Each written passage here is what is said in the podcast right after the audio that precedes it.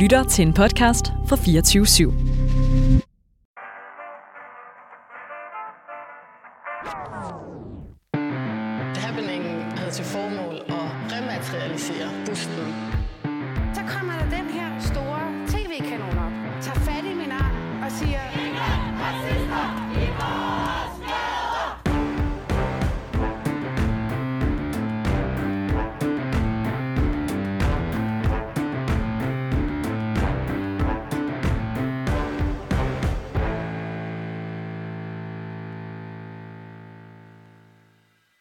Det er blevet fredag, og det er blevet tid til endnu en omgang Baby og Boomer. Mit navn er Phyllis Jassar. Jeg er jo sædvanligvis jeres woke inde og været inde på Danmarks eneste identitetspolitiske magasin. Ugens boomergæst er jo en genganger for de loyale lyttere, og øh, han var faktisk en af de første, som fik lov til at outboome min øh, gode gamle David Træs. Og nu er han altså med igen. Christian Markusen, velkommen til. Tak. Du er uddannet kantkom for Roskilde Universitet, og du har altså en bachelorgrad i filosofi og videnskabsteori. I dag arbejder du som kommunikationschef. Så sidder du i det her nationale integrationsråd, faktisk politisk udpeget af ministeren selv. Så har du tidligere skrevet i det her format, der hedder Groft Sagt hos Berlinske. Men jeg tror faktisk, at der er rigtig mange, der kender dig mere som Mr. Facebook eller Mr. Twitter. Du har det med at lave øh, tweets eller opslag, som er måske noget, man lidt øh, bemærker. Ja. Så vil jeg jo bare gerne lige spørge dig sådan, hvor meget tid bruger du egentlig på din SoMe? Øh, det varierer faktisk øh, en del. Øh, det afhænger meget af, hvor travlt jeg har med andre ting. Så nogle gange vil man se, at der går tre eller fire dage mellem et opslag, og så er der folk, der skriver til mig og spørger, om jeg er okay. Øhm, og så andre gange, så har jeg sådan lidt mere tid og overskud, og så, øh, så ryger der lidt mere afsted. Og så er det jo klart, når man er i en shitstorm for eksempel, og man synes, det er sjovt at være i den. Synes du, det er sjovt at være i shitstorm? Øh, I hvert fald dem, jeg har været i indtil videre. Ja, det, giver, det synes jeg er, er interessant, spændende på mange måder. Så bruger jeg jo mere tid der. Altså, så sidder jeg jo og, og bruger en del tid på det. Øhm, og så ellers så skriver nogle af opslagene sig selv i mit hoved, og så ved jeg, okay, nu, og så formulerer jeg det. Andre gange, så sidder jeg og nørder rigtig meget med en tekst, for at få den helt, helt i skabet. Okay, og Så det varierer meget. konsulterer du måske også andre, bare lige for at høre, lyder det her helt i tårne, eller er det overhovedet sjovt? Øh, nej, nej. Nå, du har ikke sådan en ghostwriter? Nej, det har jeg ikke. Men ej, jeg har selvfølgelig folk... Øh, altså, det kommer an på, hvis det er meget, øh, hvis det er meget vigtigt. Hvis det er meget øh, øh, politisk, for eksempel, så kunne jeg godt have nogen til at, at kigge på det, om, om kommer budskabet ordentligt igennem og sådan noget. Og så har jeg nogle gange nogen, der lige hjælper mig med noget korrektur, øh, hvis det er et længere opslag. Øh, fordi, Hvad får du ud af at, at, være på Facebook, altså aktiv? Jeg prøvede sådan at regne ud din øh, frekvens af opslag. Øh, den er jo mere øh, ja, hyppig end, øh, end, end vores egen Simon Andersen, som jo også øh, er meget, meget på Facebook. Hvad, hvad, hvad får du ud af at være på, på Facebook og, og Twitter? Hvad giver det dig? Jamen ofte kan man jo være med til at starte en debat, eller øh, deltage i en debat. Det er en måde, nu skriver jeg også klummer for Berlingske, og det gør jeg kun, øh, at jeg har kun tid til, synes jeg rigtigt, at gøre en gang om måneden. Mm. Men i, imellem, i, i perioden imellem, der dukker der jo ting op, som jeg har et behov for at, at, at skrive noget om. Og så, øh, så er det jo en god kanal. Det er jo et, ja, det er jo et medie, et socialt medie, ikke? som jeg kan bruge øh, på lige fod, som når jeg skriver en avis. Men øh, når du ligesom anskuer, okay, det her kunne være en rigtig solid omgang debat, det ved jeg, mm. folk måske vil selv antænde ud fra. Tænker du så, at det skal være i sådan idealistisk, folkeoplysende karakter, at du skal skrive om det her, altså ligesom sætte spot på en problematik, eller en holdning, eller tilkendegive ligesom en mening om noget, som du synes er forsvundet under mediernes radar, mm. eller er det for at provokere eller puste til den der lidt indre svinehund? Altså, jeg har generelt sådan to, øh, to ting, jeg gør. Det ene er at skrive... Jeg, jeg prøver altid at skrive humoristisk. Men det ene, jeg gør, det er at skrive om sådan seriøse og alvorlige emner, og det andet, det er at lave pis. Mm. Og, og det synes jeg er en sjov kombination, som min, min læser øh, langt hen ad vejen, ikke så meget på Twitter, men på Facebook godt forstår. Altså, de kan godt skelne mellem, okay, nu er det seriøse Christian, og nu er det Christian, der bare laver gas og sjov og fiser ballade. Øhm, og det er jo klart, øh, de lidt mere us- useriøse opslag, jamen, altså, der er jo bare joken, det handler om. Altså, det, der er det ikke så vigtigt med, at det er folkeoplysende.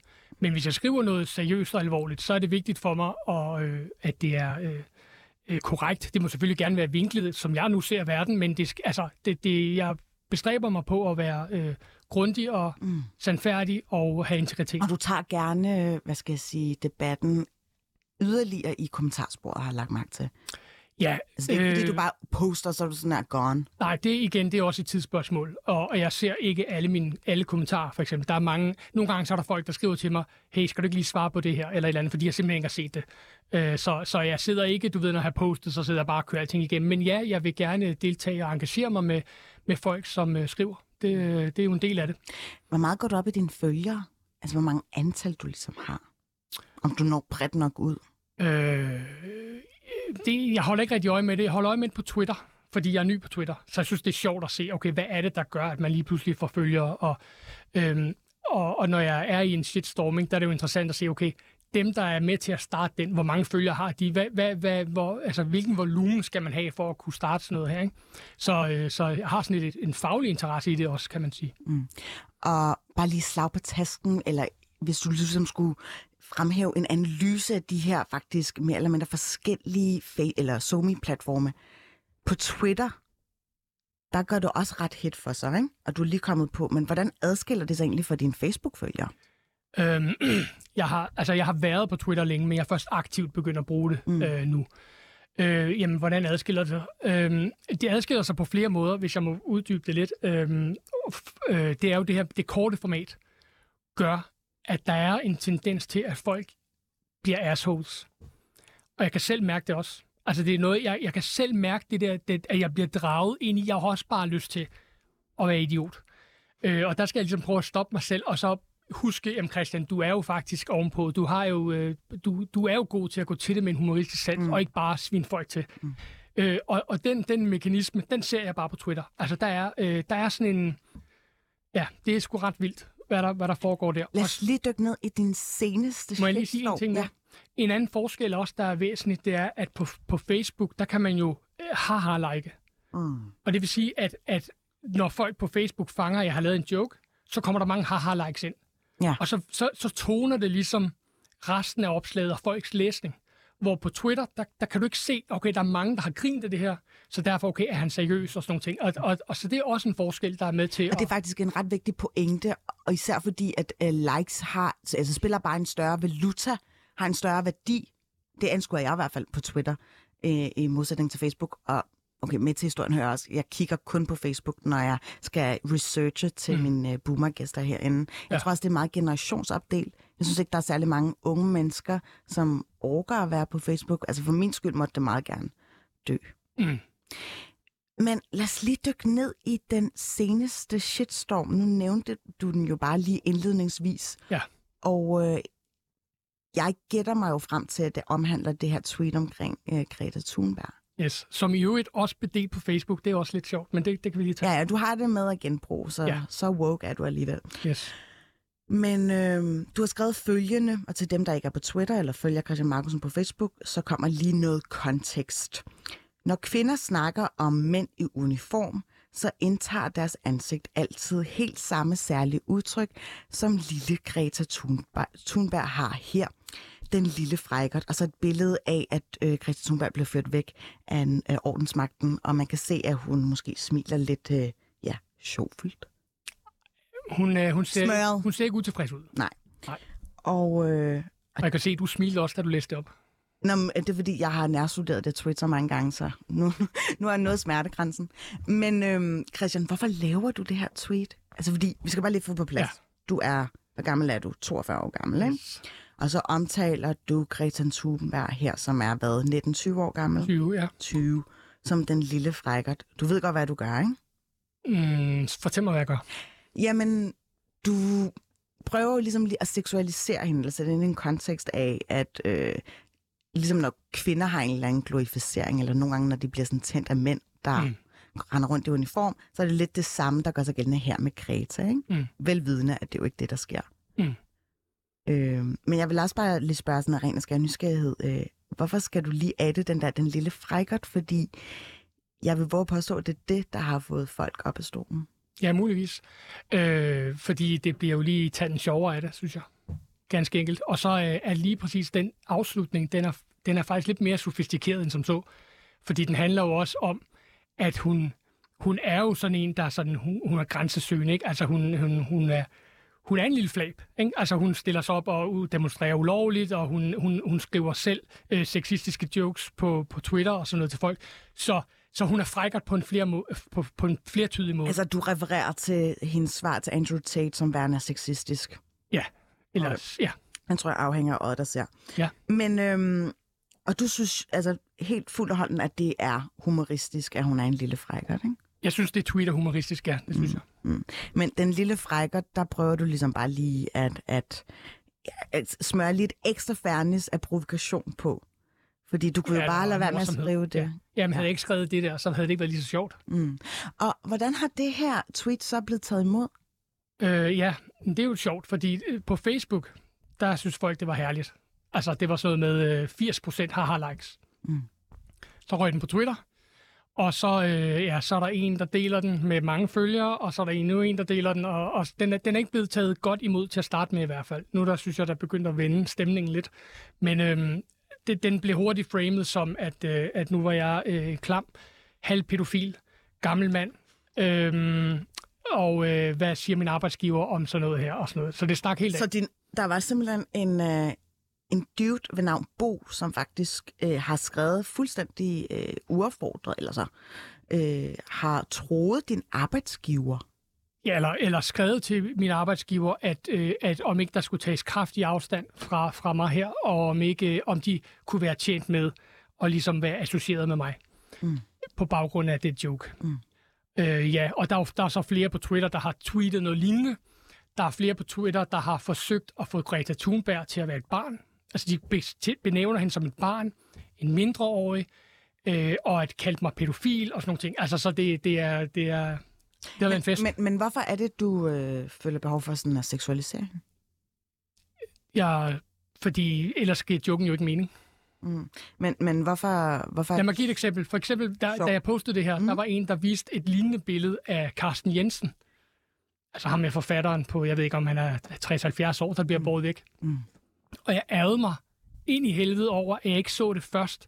Fordi joken havde været endnu sjovere, hvis det var ham.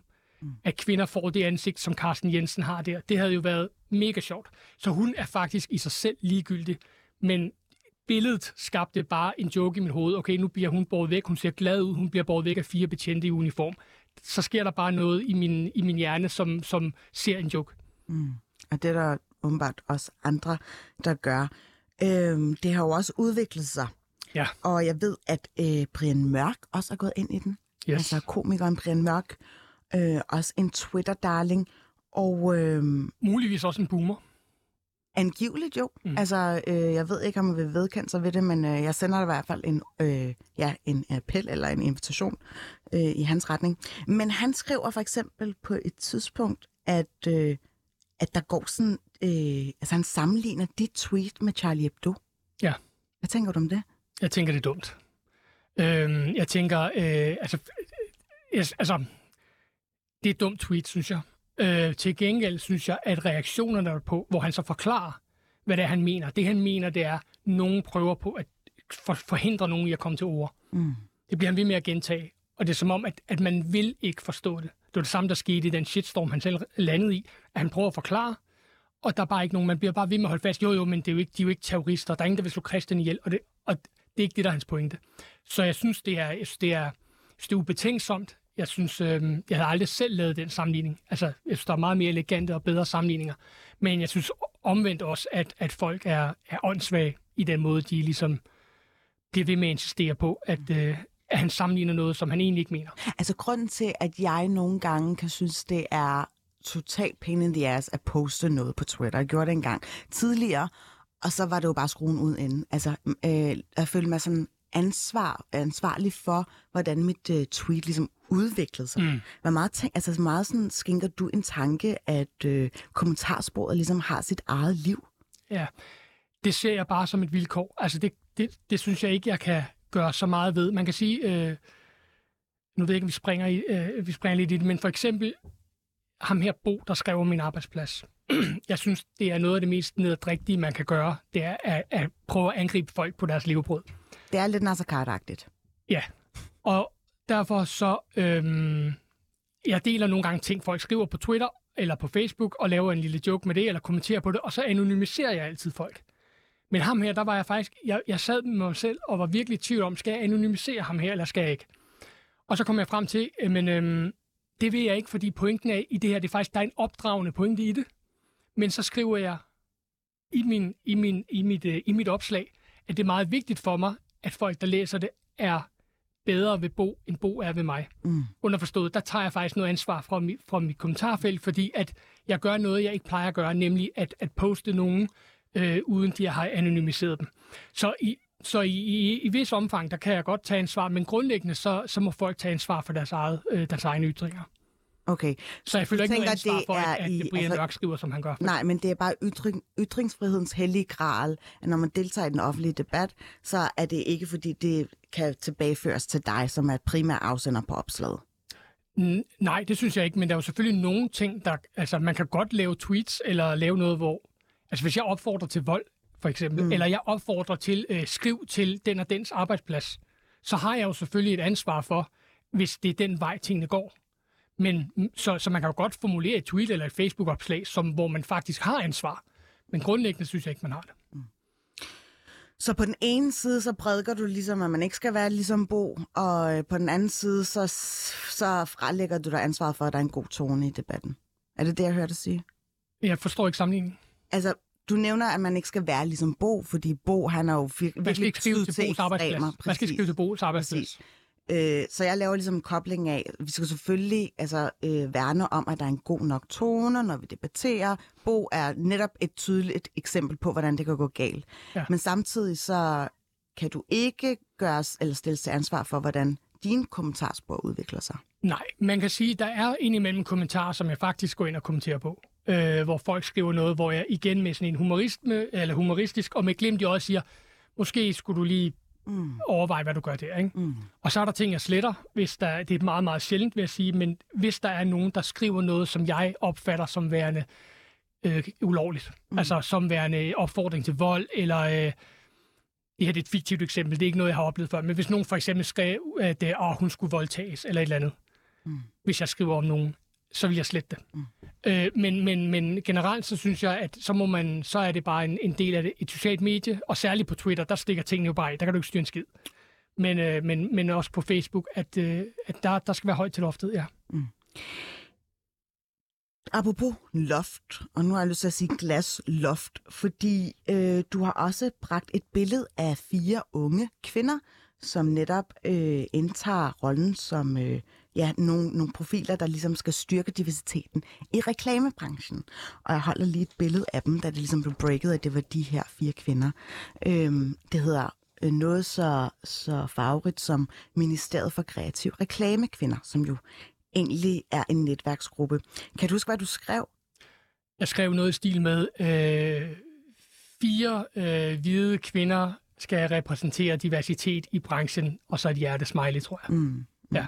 Og med henvisning til, at de er, øh, ser meget øh, lige hinanden ud, eller de minder i hvert fald om hinanden, og Ja. hvor er alle mændene, tænker du, ikke? Nej, jeg tænker, nej, ikke nødvendigvis. Jeg tænker også, hvor er de etniske minoriteter? Hvor er de handicappede? Hvor er folk med briller? Øh, det kunne være mange ting. Folk Men de ligner briller. hinanden. Folk med hvor de, briller er en udsat øh, gruppe, kan jeg ja, høre dig. Hvor de tykke. Altså, hvor øh, der, der er fire øh, fine, slanke kvinder der øh, med øh, øh, hvide kvinder. Men altså, der er ikke nogen substans i det her opslag, vil jeg sige. Det er rent bare sjov ballade Ja. på en opskri- øh, overskrift. Men, men det var det, jeg skrev, ja. Så, så det, du egentlig gør, det er, at du pådutter det en kontekst, som faktisk ikke er helt rigtig. Øhm, jeg laver en joke på baggrund af en overskrift på en artikel, mm. som snakker om, de her kvinder skal øh, kæmpe for diversitet. Men du har ikke som sådan undersøgt nærmere, hvad det her Ministeriet for Kreativ Reklamekvinder går ud på. Som jeg forstår det, så går det ud på, at der skal flere kvinder ind i reklamebranchen.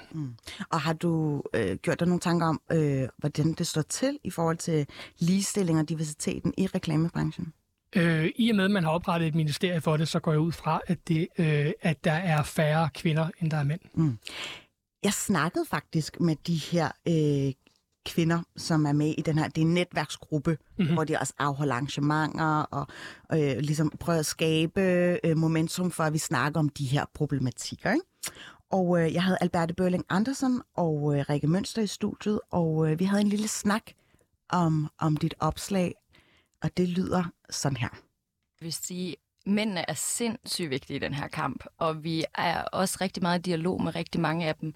Vi øh, til vores talks, vi holder rigtig meget øh, sådan paneldebatter og talks, der har- er det som oftest mænd fra branchen, der er inde og tale. Øh, og vi har flere i branchen, der støtter os, men vi bliver lidt nødt til at fokusere, fordi vi har lidt behov for at, at have et rum, hvor, hvor vi også som kvinder kan tale om udfordringerne, der er. Du kan for eksempel se øh, kommentarsporet, der er kommet op på, øh, på Christians post. Det viser virkelig tydeligt, at der er nogle udfordringer, når, når kvinder øh, stikker næsen frem. Altså, mm. det er jo et ret grum kommentarspor med kommentarer på vores intelligens, vores kroppe. Vi bliver photoshoppet, og der er endda nogen, der deler øh, rape statistics i kommentarsporet. Det viser bare tydeligt, at vi er slet ikke så langt, som vi håber, og at vi bliver nødt til at have en base, hvor vi ligesom som kvinder lige kan støtte hinanden i, i den her kamp. Men mænd er sindssygt vigtige. Jeg vil faktisk også gerne lige tilføje, at, at det, det er en ting, vi har snakket rigtig meget om også her, øhm, i forbindelse med, at vi har overtaget, hvad kan man sige, sådan, bestyrelsen af ministeriet, øhm, og har også øh, indført sådan, åbne events, hvor, at, øh, hvor flere mænd i branchen også kan, kan komme ind og være med. Tidligere har de ikke været med som tilskuere, eller som, ligesom, når der har været oplæg, har de ikke været inviteret, fordi det har været vigtigt for os at skabe det her, eller for, for Claire og Clara, som tidligere var bestyrelsen, at, at skabe det her sådan, trygge rum, hvor man kunne komme ind med sine erfaringer og, og dele sine oplevelser. Fremover kunne vi rigtig godt tænke os at, øh, at, at starte en samtale, også med de mænd, der er i branchen, og, og øh, både mm. på, i de kreative afdelinger og, øh, og også i den øvrige del af branchen. Ja, for det handler rigtig meget om at blive klogere på problemet sammen. Fordi hvis, hvis de ikke ser, at der er et problem, så kan vi sagtens stå og synes, at det ene og det andet er galt. Men vi er simpelthen nødt til, bliver nødt til at sætte os ned sammen mm. og, og finde en løsning og finde ud af, hvordan vi løfter de her udfordringer. Mange- Jeg synes, der er mange, der laver joken, om ikke man skulle lave et ministerie for mænd i, øh, i, i reklamebranchen. Mm. Og det ved jeg ikke, det er jo det er det jo allerede, eller det har det jo været i mange år, så det, er jo, det her er jo bare vores måde at, at, at få et større netværk og give noget støtte til de kvinder, som har brug for det i, i branchen, som vi også selv har nogle gange. Ja, det, og inspirere og klæde på, sådan så at vi står stærkere, så vi, øh, vi, kan, vi kan gribe de her udfordringer, mm. der kommer vores vej. Så på et eller andet plan kan jeg godt forstå, hvorfor han skriver, som han gør. Ja, altså overskriften ligger jo op til, altså det er jo klart, at der skal være diversitet i branchen, og det, det er jo ikke et problem, som kvinderne kun kan løse. Øhm, det synes vi heller ikke selv. Nej, og man kan jo sige, måden han gør det på ved at tage et, et screenshot, hive det ud af sammenhæng, og så øh, skrive sin egen kommentar, det, så er det så dejligt nemt at få folk op af stolene. Det, det er måske ikke så meget en debat, men, men mere en ensidig... Mm. Øh, Så jeg synes ikke, hans kritik er berettiget. Mm, hvis man læser artiklen, og vi snakker om, der er jo, han har helt ret i forhold til, at diversitet generelt er et kæmpe problem. Men diversitet skal, vi, for at løse det her problem, bliver vi nødt til at brække det ned i mindre bidder, som vi ligesom kan. Og vi har fokuseret på, øh, på kønsdiversitet, fordi det er der, vi øh, står og kan kæmpe for det. Øh, vi støtter gerne op om alle de andre sider af diversitet, men, men vi kan ikke kæmpe alles kamp på én gang. Mm-hmm. Det er simpelthen for stor mundfuld at gå ud og sige, at vi skal ændre alt i morgen. Nå, Christian, nu sagde du jo for ganske lidt tid siden, at sådan noget som voldtægtskommentar, det vil du fjerne. Øh, Hov. Jeg skal lige huske at tænde for din mikrofon. Yes, det jeg sagde var, hvis der var nogen, der opfordrede til voldtægt. Hvis der er nogen, der siger, hende der, hun skulle bare voldtages. Mm. Ja. Så hvis jeg opdagede det, så ville jeg selvfølgelig slette det, ja. Men her har, har det lige gået forbi din næse, eller hvad? Er der en, der øh, skriver, at de skal voldtages? Altså, øh, der bliver i hvert fald gjort grin med noget, som, øh, noget så sexet som comshot. Er det at voldtage nogen? Man opilder måske til at snakke om en eller anden seksuelt lavet kontekst. Øh, Jamen, jeg er helt uenig i, at, at, at det svarer til at sige, at nogen skal voldtages. okay.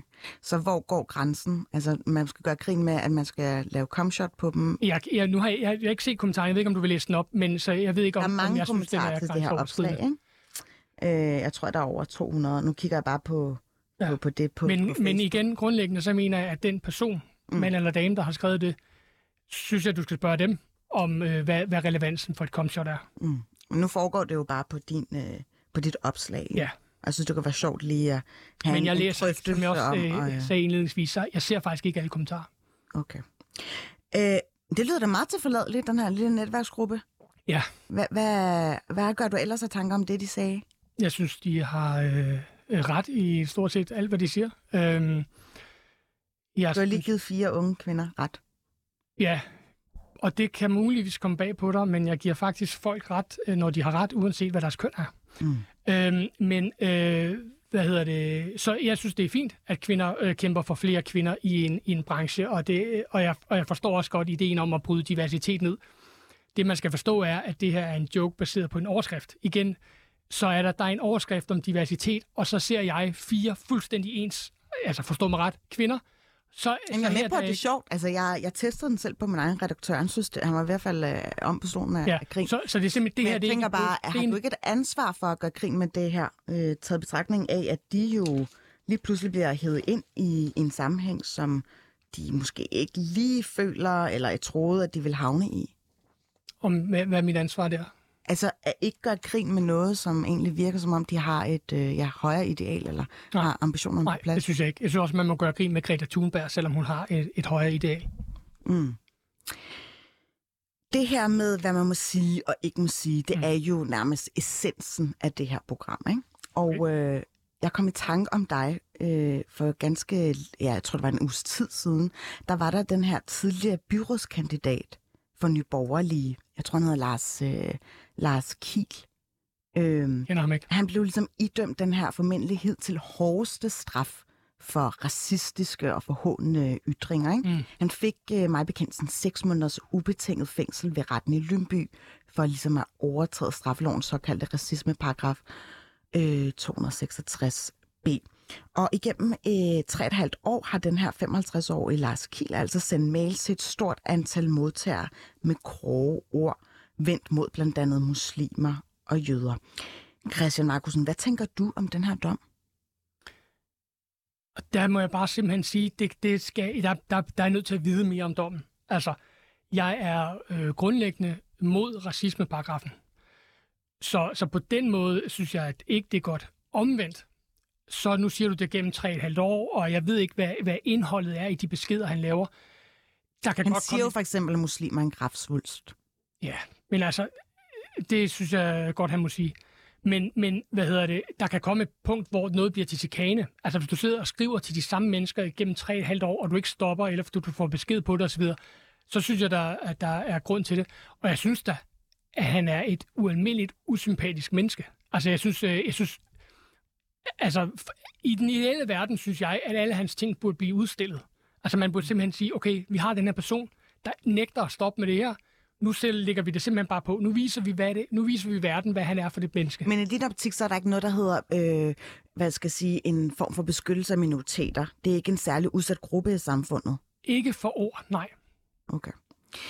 Øh, jeg afspiller lige et klip, hvor vi havde øh, Rasmus Brygger med ind, øh, som er, øh, han arbejder som chefkonsulent øh, inden for Institut for, øh, hvad hedder det? Menneskerettigheder. Etnisk, menneskerettigheder, ikke? Og øh, han, han sagde sådan her til os, og det var i forbindelse med vores andet øh, radioprogram, som hedder Døgnrapporten, om, om selve dommen øh, mod øh, Lars Kiel den her diskussion, det er jo en balance mellem ytringsfrihed og så, så beskyttelse af minoriteter.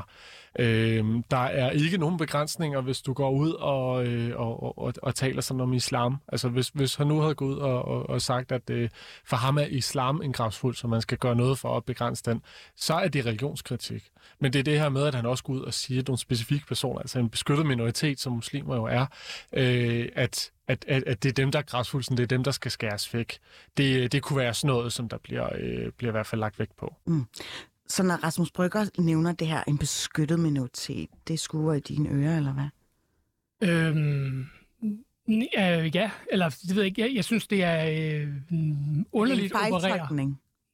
Hvilket? at sige, at, at, at der er nogle grupper i vores samfund, som er særligt udsat, underforstået, at de er, skal leve under en beskyttet minoritet. Ja, det synes jeg er en forkert tilgang, ja. Hvorfor? Det synes jeg, fordi vi i stedet for skal ses på som borgere alle sammen. Øhm, uanset hvad vores øh, etnicitet er, hvad vores hudfarve, hvad vores køn osv. er, så der skal være en, en lighed for loven, synes jeg. Og det princip går man jo lidt på, på kompromis med, hvis man siger, okay, de her mennesker, de er særligt udsatte, og den gruppe ser vi er særligt udsatte. Den vokser jo med tidsånden. Den øh, indbefatter nu jo også folk, øh, folks kønsidentitet, for eksempel. Så, så den her gruppe af, af hvad hedder sådan, beskyttede minoriteter, den vokser, og dem vi må sige, eller der, der hvor man er i risiko for måske at sige noget, hvor staten kommer, den gruppe, den vokser, og det synes jeg er en øh, dårlig udvikling. Altså udviklingen mod, at, at øh, man skærmer nogle øh, grupperinger i samfundet for, at de bliver udsat for altså hate speech. Ja, jeg synes, at... at øh, Alle skal kunne tåles at få hate speech. Er det det, du siger? alle ord, nedladende ord, skal man, skal man kunne tåle, ja, langt hen ad vejen. Mm. Så hvis jeg lige siger til dig, Christian Markusen, dit øh, højreorienterede svin, øh, jeg håber virkelig, at øh, din dage er talte, bla bla bla. Hvad tænker du om det? Så vil jeg sige, særligt det sidste del med at håbe på, at min dage er talte, det synes jeg øh, er, er, er, er lidt mærkeligt. Øhm, Men... Det men, er ikke meget mere mærkeligt, end at sige, at muslimer er kraftsvulst. Jo, men, men der ligger jo noget i at håbe på, at jeg dør. Og det synes jeg er, øh, synes jeg er meget usympatisk. Men igen, jeg synes ikke, det burde være ulovligt. Altså, jeg synes, øh, hvis du sagde det, så synes jeg, så det så er det bare spændende, så tager vi en snak om det. Øhm, jeg, tænker, jeg tænker ikke, du skulle øh, have en bøde. Alright. Christian Markusen, øh, tusind tak, fordi jeg måtte øh, kigge din SoMe-aktivitet i sømne og øh, lige have en øh, principiel diskussion om den her ja, dom. Og tak, Okay. fordi du tænkte på mig for en uge siden. Selvfølgelig, jeg tænker altid på dig. Hver gang jeg logger på Twitter eller Facebook, så, så er du der.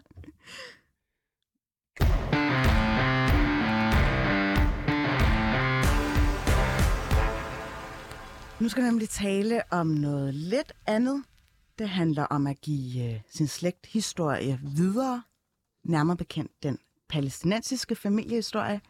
Layal Frey, velkommen til Baby og Boomer. Du er udenrigskorrespondent for Weekendavisen med base i Istanbul.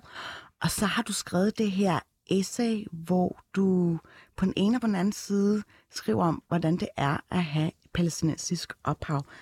Dine forældre øh, flygtede, eller din familie flygtede til Libanon, men du har jo, øh, hvad det hedder, palæstinensisk oprindelse, ikke?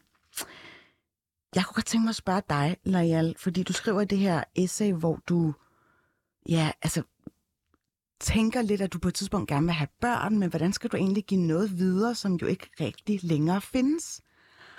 Og lad os bare lige starte helt fra begyndelsen af, nærmest sådan helt øh, Adam og Eva-agtigt. Hvornår bliver du sådan første gang opmærksom på, at der er de her store huller i din øh, familiære slægthistorie? Jeg ved ikke, om man kan sige, at der var sådan et særligt tidspunkt, hvor jeg stansede op og tænkte, hov, der er noget, jeg ikke forstår. Jeg tror, at det er en Øh, forskellige tidspunkter, hvor jeg måske har undret mig over noget, jeg ikke har kunne få svar på, og så øhm, ja, har det håbet sig op til øhm, et stort hul.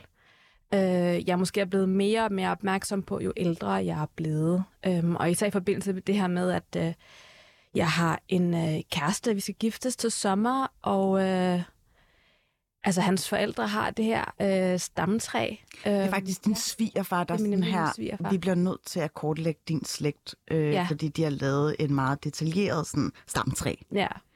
Ja, min svigerfar, han er sådan en rigtig, uh, rigtig uh, sådan nørd, og han elsker at grave sig ned i, uh, i historie, så han graver sig ned i sin egen familiehistorie. har lavet et uh, virkelig stort stamtræ med navne af familiemedlemmer, sådan helt tilbage til sådan, så jeg kan ikke engang sådan 1500-tallets Frankrig, tror jeg det er, altså mm. det er 1700-tallet. Um, og han vil jo gerne have, at øh, jeg har min egen gren, og begynder sådan øh, så småt, der er sådan, "Nå, men vi skal jo sidde ned, og vi skal have den her historie med din, fami- med din familie, og øhm, jeg kan simpelthen ikke give ham øh, særlig meget, fordi jeg har ikke de der dokumenter, han, øh, han gerne vil se. Mm. Øh, og så blev det jo nærmest, så tror jeg bare, jeg har gået de seneste år og tænkt meget over sådan, øh, jamen, hvad kan jeg så give, selv give videre, når jeg ikke engang kan give det her til min, øh, min svigerfar? Men, men du identificerer dig som palæstinenser på trods af, altså du er født i Danmark, du er født det på Herlev Hospital, ikke? Jo, altså jeg er dansk palæstinenser, ja. ikke? Øhm, men vi har jo alle sammen en baggrund og en historie, øh, og den har jeg jo selvfølgelig også. Jeg er født på Herlev Hospital, som du selv siger. Jeg er gået, øh, jeg er gået i folkeskole i Herlev øhm, og vokset op øh, i Herlev. Øhm, så jeg er jo selvfølgelig først og fremmest dansk, men jeg har jo den baggrund, jeg har, og den er vigtig øh, at forstå, synes jeg. Og den blev du også øh, meget mere sådan bevidst om i en alder af 14, hvor du øh, jeg sidder til øh, en undervisning, og din skolelærer ligesom peger på øh, området, altså ved Palæstina, øh, hvor efter du ligesom retter hende og siger, eller undskyld, øh, du siger, at det hedder Palæstina, og hun retter dig og siger, det hedder Israel. Ja, altså jeg er jo, hvad er du, jeg siger, 14 på det tidspunkt, der er jo faktisk flere episoder, også da jeg er yngre end 14, og det handler jo om, at jeg er jo vokset op med forældre, der er flygtninge, ikke? Øh, De var, de var, de var palæstinensiske flygtninge i Libanon, og det vil sige, at den palæstinensiske identitet var meget vigtig for dem, øh, fordi de netop øh, voksede op i de her flygtningelejre, øh, mm. hvor det eneste, man rigtig kunne holde fast i, det var, at man kom fra noget, øh, som var blevet taget fra dem. Så jeg voksede op med det, og jeg voksede op med arabisk talende fjernsyn, der taler om Palæstina, ikke? Og øh, lidelser og øh, bosættelser på Vestbredden. Og når man er 14, så, så betyder det jo pludselig noget, det her med, at ens forældre er blevet gjort fortrædet på en eller anden måde. Mm. Øhm, Hvor meget spørger du ind til, hvordan altså, de har flygtet og selve krigen? spurgte ikke særlig meget. Det var mere det, man fik. Altså sådan de små, de små bidder øh, af øh, deres liv, man jeg har, jeg har vokset op med. Men den her historie med bare at sidde sådan, altså for, at fortælle hele historien fra start til slut, den, den har jeg ikke. Og jeg spurgte engang min mor, hvorfor hun aldrig taler om krigen, øh, hvad de var igennem. Og hun, hun ville... Øh, hun sagde, hvad er der at tale om? Så jeg tror også, det sidder ret dybt, det her traume i dem, og det er også svært at, altså, at ruske op Og det i. her traume, øh, du nævner det som det palæstinensiske traume. Hvad består det helt konkret af? Ja, altså det er jo et begreb, som øh, den palæstinensisk-amerikanske historier, historiker Rashid Khalidi har, øh, har skrevet om i sin bog fra øh, 2020 eller 2021. Og det handler jo om, at, øh, og det er jo lige meget, om man er palæstinenser på Vestbreden, eller i Israel, eller øh, i Vesten, eller i Mellemøsten, så har man det til fælles, at man øh, føler, at det, man kommer fra, er blevet taget fra en. Mm. Øhm, og det oplever man på forskellige måder, afhængig af, hvordan, altså hvis du, på, hvis du bor på Vestbreden og oplever bosættelser hele tiden, ikke? så er det nok et lidt andet traume, end hvis du er født i Herlev, som jeg er. Øhm, men det er jo et traume, øh, fordi at, altså for mig er traumet jo, at der er et hul i min familiehistorie, ikke? Mm. Øhm, ja. Nu kigger jeg over på dig, Christian Magnussen, og spørger, hvad er dit traume? Øh, jeg har ikke umiddelbart øh, de store traumer. Øh, jeg kunne sikkert godt finde på noget, hvis jeg var forberedt. Øh, men øh, jeg, vil, jeg vil bare sige, jeg har jo selvfølgelig også læst, øh, læst den her, og jeg synes, den var virkelig øh, fed læsning. Altså, og, og rørende øh, på mange måder. Øh, også lang, vil jeg sige. Men, men, men, Det er jo men weekendavisen. Ja, ja, ja, ja.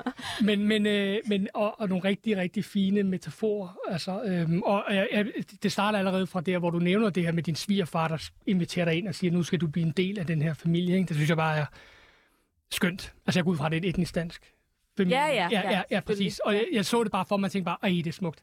Øhm, og, og så det her med, hvor du snakker om det her med at være, at det føles som at være utro mm. med Palæstina. Ja. Nogle af de oplevelser, du har, hvor du øh, siger tak til en grænsebetjent øh, øh, dernede. Jeg synes bare, det var, det var fedt. Altså, det var... Øh, Mm. det er en Har god... det gjort en forskel, hvis det ikke var en etnisk dansk svigerfar? Ja, for så havde historien jo ikke været der. Altså, så, så havde... Altså, Ah, jeg tror, den havde været der på en anden måde. Så tror jeg, at hvis det nu havde været en, øh, en mand med palæstinensisk baggrund, jeg havde været sammen med, så havde vi været fælles om det hul, tror jeg. Nå, men det jeg mener, det er, det, øh, jeg tænker, selv den situation, at svigerfar sætter sig mm. ned og snakker om, nu skal du skrives ind i vores stamtræ, der så jeg bare en etnisk dansk øh, øh, familie for mig. Øhm, og det var det jo så også. Øhm, og, og havde det gjort en forskel? Jamen, jeg synes bare, jeg synes, det er dejligt, når, når, når integrationen kører så godt, at, at vi kan se bort fra øh, vores øh, etniske øh, oprindelse. Mm. Det er godt, vi har en succesperle med. Ej, det må du simpelthen ikke kalde mig. Altså. Lajal, øhm, på et tidspunkt, så, øh, så rejser du til Ramallah. Er ja. rigtigt udtalt? Øh, ja. Øh, det sker i, i perioden efter din fars død, øh, skriver du i teksten. Fordi du netop bare gerne vil blive klogere på dine rødder og, og ophav. Men øh, hvad ender den her rejse egentlig med? Ja, men den ender med forskellige ting. I teksten, der, der, går jeg meget op i det her med, at, øh, at min, min far han dør i 2014, ikke? Og så, øh, og så øh, får jeg, øh, og det er jo ikke kun på grund af, at min far døde, men jeg har fået et behov for at øh, vende tilbage, eller jeg ved, ikke, tilbage, men jeg- det er det, jeg tænker, ikke? jeg skal tilbage til det, jeg, jeg kommer fra, det der, jeg har ophav. Øhm, men jeg bliver jo meget hurtigt klar over, at det er jo ikke der, jeg kommer fra. Altså, jeg, jeg er jo født i Herlev, og jeg ser anderledes ud i kraft af mit, øh, mit mit tøj, øh, min måde at være på, min, altså min personlighed, min De holdninger. taler engelsk til De dig, du svarer engelsk på til mig. arabisk. Ja, og de får, øh, de får et, mange af dem får et chok, fordi de ikke... Øh, jeg er altså også, det kan lytterne jo ikke se, men jeg øh, er nok højere end de fleste arabere, og jeg er også... Øh, jeg er et ret slankt menneske, så jeg ligner heller ikke en sådan stereotyp på en, på en araber. Øhm, Hold da op. Ja, så de, mange af dem tror, jeg, jeg, er, fra, jeg er spansk, eller jeg er fransk. Øhm, og øh, så de bliver sådan lidt overrasket. Øh, men så får jeg så at vide, når jeg så svarer på arabisk, at min accent er anderledes end palæstinensisk accent. Øhm, og så får jeg at vide af en mand, han siger, at øh, han kender flere fra sådan, palæstinenser fra Vesten, og han siger, jamen, I har alle sammen en fælles accent. I taler palæstinensisk på, eller arabisk på en særlig måde, og det bider jeg fast i, for det har jeg tænkt meget over efterfølgende. Øhm, og det gør vi. Vi taler arabisk på en særlig måde, og det er jo fordi, vi er formet af, at vores forældre har været flygtninge i andre arabiske lande, og at vi er født i Vesten. Øh, Så der dannes en eller anden ny form for arabisk, som, øhm, som egentlig er ret interessant, mm. synes jeg. Og det giver vel også et billede af, at deres, hvad skal jeg sige, sprog, dialekter har ikke måske været udsat for en udvikling på samme måde som I, der ligesom er flygtet fra oprindelseslandet. Mm. Lajal, du når nærmest undervejs til sin konklusion af, at øh, den palæstinensiske identitet er som en byrde for dig.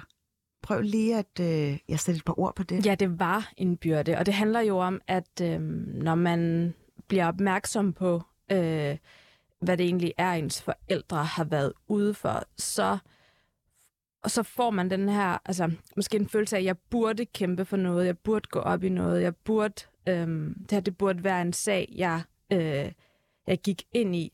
Øh, men men jeg er jo født i Danmark, og som sagt, og jeg er jo vokset op i det danske velfærdssamfund, og, nu, altså, og som, som teenager, måske så i min start 20'er, så orkede jeg det jo ikke. Det jeg ville, det var at øh, bare være helt normal dansk, øh, ung, ungt menneske. Mm. Øhm, så det er sådan en dårlig samvittighed, jeg hele tiden har, øh, har i mig. Altså, du har dårlig samvittighed over egentlig at Ikke at gøre noget. din tilværelse Ja, ikke også. at gøre noget. Og det er jo, øhm, det er jo selvforskyldt. Der er nogen, der har fortalt mig, at jeg skal have dårlig samvittighed. Øhm, og der har talt med mange øh, børn af palæstinensiske flygtninge, der har haft den her samme følelse, øh, som, som jeg har, øh, og ikke rigtig øh, ved, hvad man skal gøre ved den. Øh, mm. Men den forsvinder jo med tiden, fordi man lærer at håndtere det, ikke? Mm. Jeg tænkte på, øh, du nævner også den her lidt offergørelse, som alle palæstinenser tager på sig, Ja. fordi at man sidder og ser fjernsyn, og man ser, øh, ud, hvad er det dog synd for, for palæstinenserne, alt afhængig af, hvem der er medieafsender på den. Men, men har du stadig den der lidt offergørelse? Øhm, jeg ved ikke om...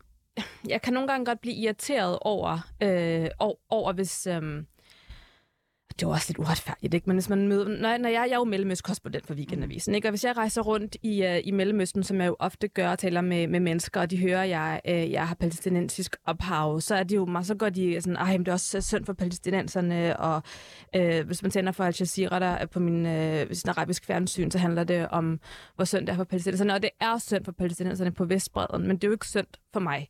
Jeg er øh, vokset op i Danmark med kærlige forældre og pakket ind af det danske velfærdssamfund. Øhm, og jeg vil, jeg vil ikke være, jeg vil ikke være et offer, for jeg er ikke et offer. Er der nogen, der skal have ondt af mig? Øhm, men det finder man jo også ud af, mm. at det, altså, det, det kommer jo af altså, velmenende mennesker, mm. som jo også bare vil fortælle dig, at de synes, det, det er synd for palæstinenserne, ikke? Ja, jeg blev lige nysgerrig på, øhm, i forhold til, når du skal have børn og så videre, Mm. øhm, det her med, om man måske kan komme til at påføre dem et traume, Mm. som, som de måske øh, ikke bliver gladere af. Ja. Altså selvfølgelig får de noget historie med sig, men om man kan som forældre være med til at, at, at, at skyde noget, øhm, noget, der egentlig ikke er en god ting for børnene ind i Ja. dem. Hvad, hvad tænker du om det? Jamen, jeg tænker, det er jo det, hele mit essay handler om. Det handler jo netop af, hvordan kan jeg give noget videre til mine forældre, som ikke er traume. Øh, undskyld, til mine børn, der ikke er et traume, fordi at som sagt, mine forældre er flygtninge, og at de har opdraget mig på en vis måde, som gør, at man lidt føler, at det var traume, der går i arv, øhm, kan de jo ikke gøre for. De har jo oplevet noget, mm. som på en eller anden måde nok ubevidst, og ikke med vilje, øh, bliver givet videre til børnene.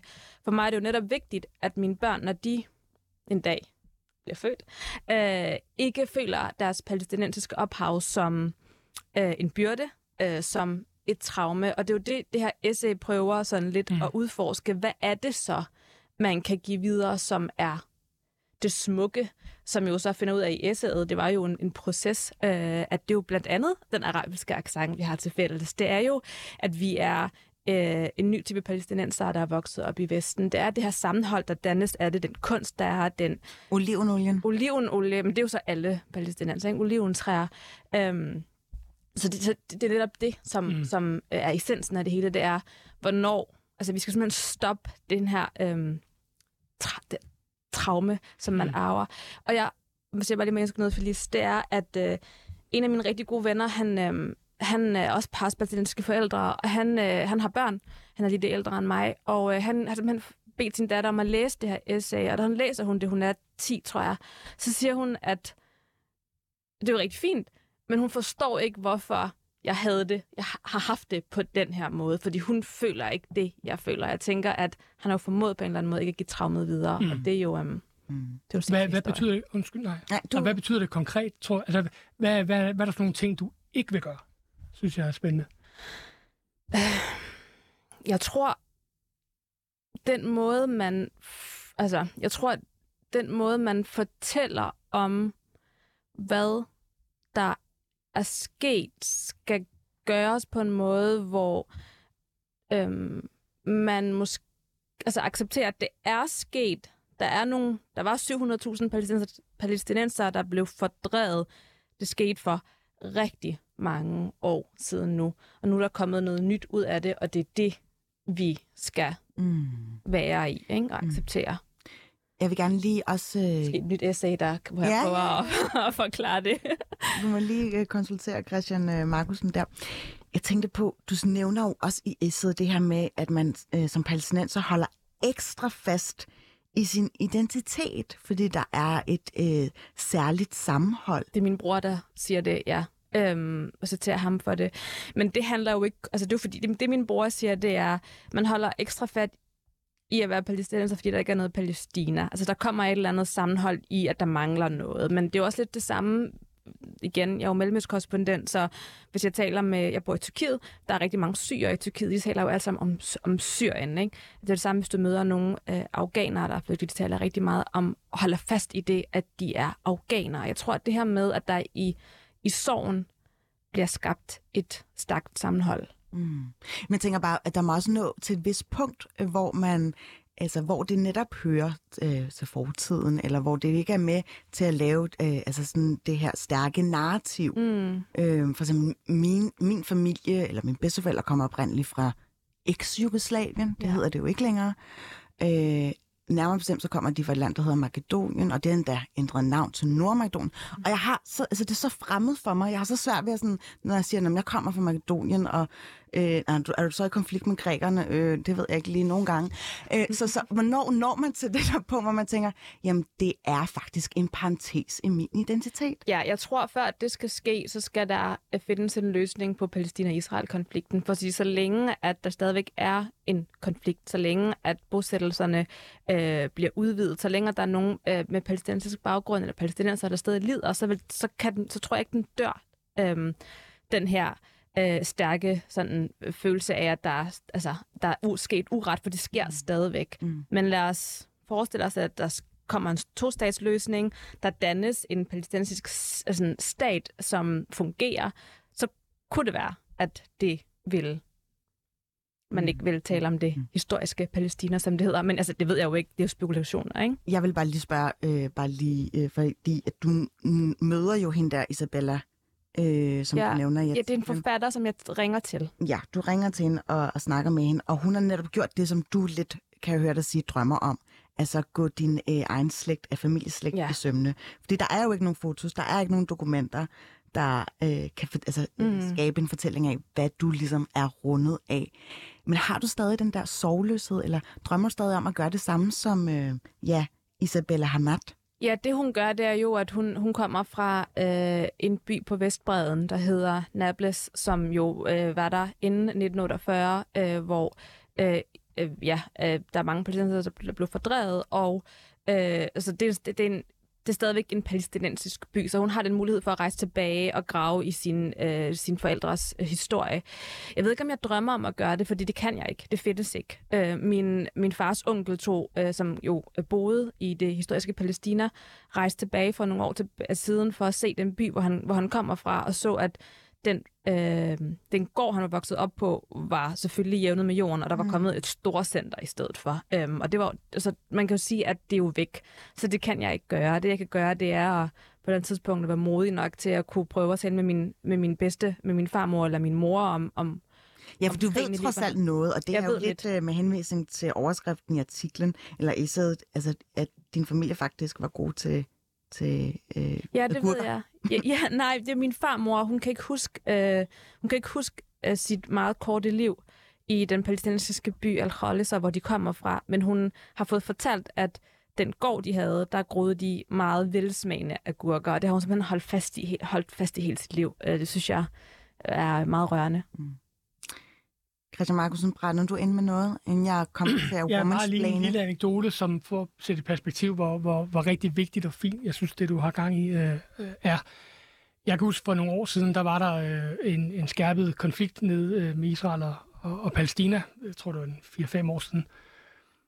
Og der, der påvirkede det simpelthen børnegruppen. Altså min søn kom hjem og fortalte, hvordan det ene barn holdt med palæstinenserne. Ja. Han er selvfølgelig palæstinensisk oprindelse. Og så var der et andet barn, der holdt med israelerne, fordi hans mor var vist nok israeler. Og det, de tog ligesom konflikten med ind, og så på det her tidspunkt har de været 7-8 år, og havde altså en mening om den her ekstremt komplekse øh, konflikt, som på en eller anden måde kom, som kom med ind i, i skolen. Og, altså, og, og det, den, den er vi jo simpelthen nødt til at komme ud af, på en eller anden måde. Øhm, så jeg synes, det, det, er sådan, det, er meget, altså, det er meget positivt, synes jeg, meget det, du siger der, i forhold til, hvad gør vi nu? Altså, Ja. Work in progress. ja. Og øh, bare lige at komme tilbage til, når du ligesom planlægger den her familieforøgelse her. Hvad er det så helt konkret, du vil give videre til, til dine børn? Hvad vil jeg give videre? Jamen, jeg vil give, øhm, jeg vil give arabisk accent videre. Mine børn skal lære at tale arabisk. Øhm, jeg vil give øh, de få historier, jeg rent faktisk har fået overleveret videre. Jeg vil give den palæstinensiske kunst og kultur videre, for den er meget, meget smuk. Og det er ikke kun den gamle kunst og kultur, det er også den nye, der simpelthen er blomstret, øh, blomstret op her. Øhm, blandt den palæstinensiske diaspora i udlandet. Øh, jeg vil give de palæstin- den palæstinensiske mad videre. Øh, jeg vil give kærligheden til oliven olie videre, som øh, alle palæstinenser har. Mm. Ja. Det tror jeg bliver den afsluttende replik, øh, Leia Alfrej. Tusind tak, fordi du kom ind her og fortalte om øh, dit essay og din palæstinensiske familiehistorie. Øh, du er Mellemøs korrespondent for Weekendavisen. Ja, tak fordi du gad at være ugens gæst. Tak fordi jeg måtte.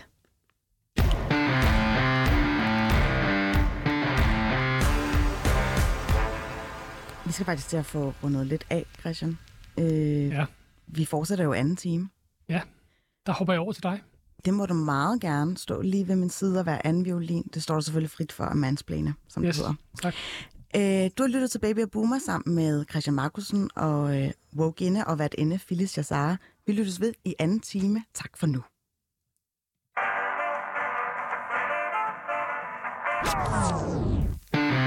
Happeningen havde til formål at rematerialisere busten. Så kommer der den her store tv-kanon op, tager fat i min arm og siger...